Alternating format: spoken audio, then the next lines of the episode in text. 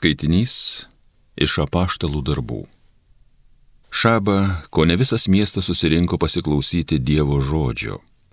Išvydus tokias mines, žydus apėmė pavydas ir jie pikdžodžiaudami ėmė prieštarauti Pauliaus kalbai. Tuomet Paulius ir Barnabas drąsiai pasakė, pirmiausia jums turėjo būti skelbiamas Dievo žodis, kadangi jūs jį atmetėte ir patys laikote save nevertais amžinojo gyvenimo, tai mes kreipiamės į pagonis. Taip mums liepia viešpats. Paskyriau tave, kad būtum šviesa pagonims, kad gelbėtum juos iki pat žemės pakraščių. Tai girdėdami pagonys džiaugiasi ir šlovino Dievo žodį ir įtikėjo visi paskirtieji amžinajam gyvenimui.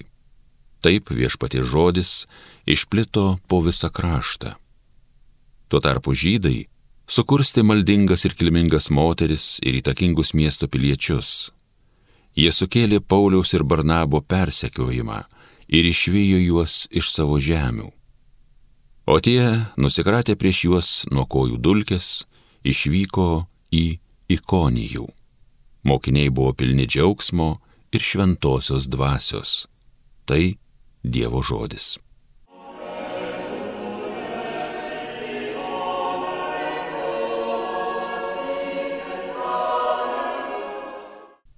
mato visas pasaulis išganingą į Dievo veikimą. Naują giesmę gėdokite viešpačiui, nuostabius darbus jis daro, jo dešinė visagalė, jo šventoji ranka pergalės skina. Mato visas pasaulis išganingą į Dievo veikimą. Savo išganimą viešpas apreiškė, jo teisingumas šviečia pagonims, atsimena savo gerumą, ištikimumą, Izraelio šeimai žadėta. Mato visas pasaulis išganingai į Dievo veikimą.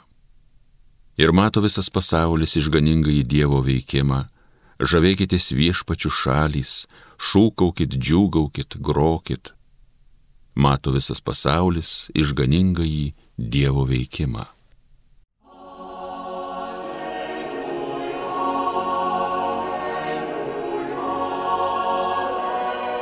Jei klausysitės mano mokslo, jūs iš tikro būsite mano mokiniai, sako viešpats.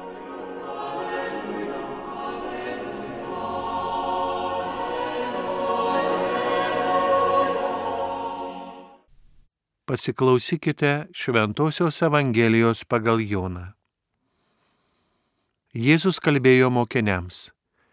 Jeigu pažinote mane, tai pažinsite ir mano tėvą jau dabar jį pažįstate ir esate matę. Pilypas jam sako, viešpatie, parodyk tėvą ir bus mums gana. Jėzus tarė, jau tiek laiko esu su jumis ir tu, Pilypai, vis dar manęs nepažįsti. Kas yra matęs mane, yra matęs tėvą. Tad kaipgi tu gali sakyti, parodyk mums tėvą? Nejau netiki, kad aš esu tėve ir tėvas yra manyje žodžius, kuriuos jums kalbu, ne iš savęs kalbu. Manyje esantys tėvas daro savuosius darbus. Tikėkite manimi, kad aš esu tėve ir tėvas manyje. Tikėkite bent dėl pačių darbų. Iš tiesų, iš tiesų sakau jums, kas mane tiki, darys darbus, kuriuos aš darau, ir dar už juos didesnius, nes aš keliauju pas tėvą ir ko tik prašysite dėl mano vardo, aš padarysiu, kad tėvas būtų pašlovintas sunuje. Ko tik prašysite mane dėl mano vardo, aš padarysiu. Girdėjote viešpaties žodį.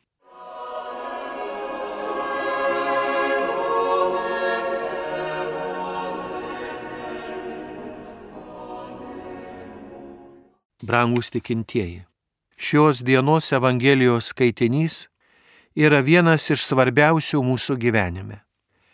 Viešpas kviečia mus tikėti juo, jo žodžiais apie tai, kad jis ir dangaus tėvas yra viena.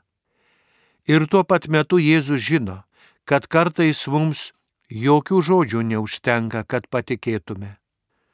Tuomet Jėzus kalba apie savo darbus, kviesdamas tikėti juo dėl jo darbų. Ir štai prieš mūsų akis atsiveria nuostabi dieviškoji išmintis ir gailestingumas. Jėzus mums siūlo tikėjimo kelią, padėdamas mums pradėti šiuo keliu eiti. Pasikliauti iš pradžių, jei ne jo žodžiais, tai stebint viešpaties darbus mūsų gyvenime. Kartą pažvelgęs į sesę motiną Teresę iš Kalkutos, vienas benamys pasakė, jog dabar jis žino, koks yra Dievo veidas. Ir mes patys savo gyvenime esame susidūrę su žmonėmis, kurių veiduose atsispindi Dievas. Bent mums taip atrodo. Ir galbūt būtent tokių žmonių pavyzdys kažkaip mus įkvepia eiti į bažnyčią. Žmogus, kuris bendrauja su Dievu, kuris savo širdyje saugo jo žodžius, daro Dievui patinkančius darbus, kažkuo pats tampa viešpaties paveikslu, tampa viena su Dievu. Atrodo, jog su jo dvasinė prigimtimi įkandin pasikeičia ir fizinė prigimtis. Ima atrodyti, kad tas žmogus lyg šviesą ir viltį apie save spinduliuoja. Ir nežiūrint metų, pati žmogaus esmė lieka jauna, akise yra viltis, optimizmas ir džiaugsmas.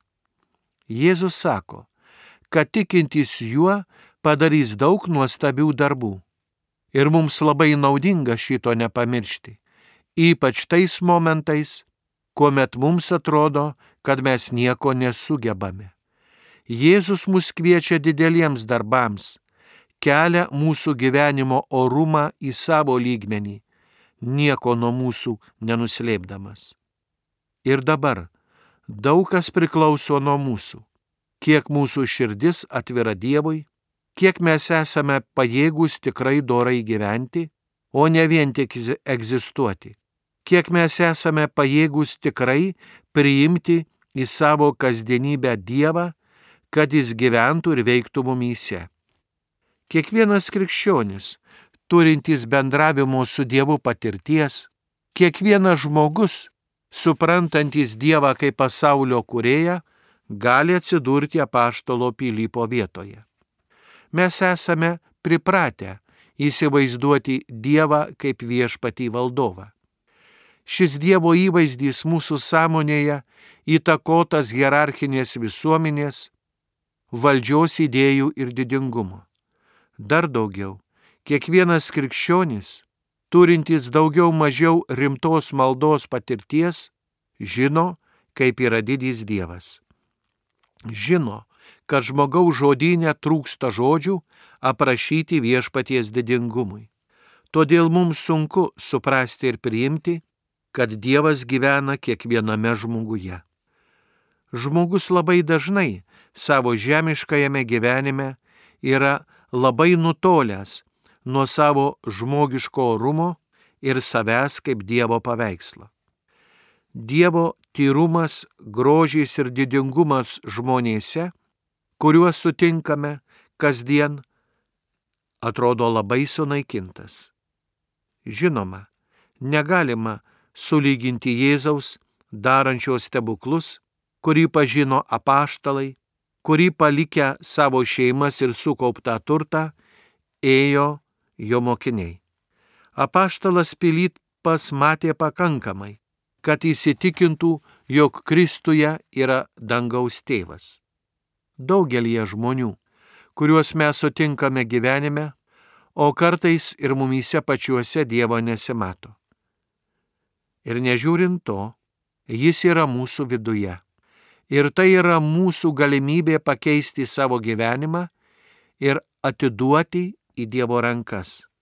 Šią galimybę turi kiekvienas žmogus. Mes pakankamai žinome, kad suprastume, jog Dievas yra kiekviename žmoguje, kad viešpaties tyrumas ir grožys žmoguje yra apgaubtas labai neišvaizdžia, o kartais visiškai nedora išvaizda, kurią būtinai reikia pakeisti, apvalyti nuo nuodėmių, padaryti gražią ir šventą. Popiežius Pranciškus sako, perduodam tikėjimą gyvendami nuosekliai pagal tai, ką skelbėme. Tikėjimas nėra informacijos perteikimas, bet širdies paremimas Jėzaus Kristaus tikėjimu. Neįmanoma to padaryti mechaniškai. Tai ne tas pats, kaip atmintinai išmokti tekstą. Im knygą, išmoksi, tada bus galima krikštyti. Ne. Yra kitas tikėjimo perdavimo kelias. Turime perduoti tai, ką gavome. Krikščioniui tikras iššūkis, kad jis būtų vaisingas tikėjimo perdavime. Tikėjimas perduodamas patrauklumu, tai yra liudijimu. Liudijimas sukelia smalsumą žmogaus širdyje, o tada šventoji dvasia padaro savo. Bažnyčia tiki patrauklumu, auga patrauklumu. Tikėjimo perdavimas vyksta liudijant net iki kankinystės. Brangus tikintieji, mums perduota geroji naujiena Evangelija. Mums atsiųsta šventoji dvasia. Dėl mūsų įsteigta bažnyčia ir sakramentai. Mums parašytos puikios dvasinės knygos, nutapyti paveikslai, sukurti nuostabūs filmai. Tai tik tam, kad mes pastebėtume viešpatį kasdien tuose, kuriuos sutinkame gatvėse, su kuo važiuojame transporte ar su kuo dirbame. Tai dažnai yra sunku, o kartais atrodo neįmanome. Nes kai kuriuose žmonėse Dievas yra arba nužudytas, arba atstumtas. Bet tik pats viešpats žino, kaip yra iš tikrųjų. Jėzus atveria Pilypui, o kartu mums visiems vieną iš sudėtingiausių būties paslapčių. Dievas, kurio didybė yra taip nepriepiama, kad žmogui to niekada neapriepti, pasirenka savo paveikslų ir panašumu tokį nepatikimą, netitinkantį visais paramentais tvarinį žmogų. Viešpats gyvena šitame nedėkingame, nuodėmėmis susitepusiame žmoguje. Nori užkariauti jo širdį ir patraukti ją prie savęs. Tai didelė Dievo gailestingumo paslaptis. Mes niekada neperprasime šios paslapties, bet galime prisidėti prie jos, elgdamiesi visada savo gyvenime pagal Dievo valią. Ir tai nepelnyta mums dovana.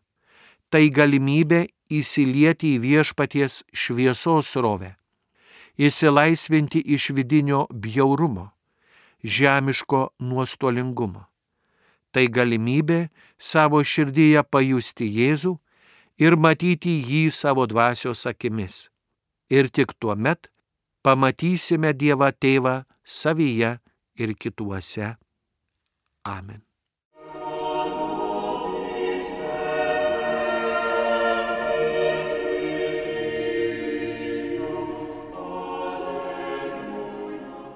Homilija sakė teologijos mokslų daktaras monsinjoras Artūras Jėgelavičius.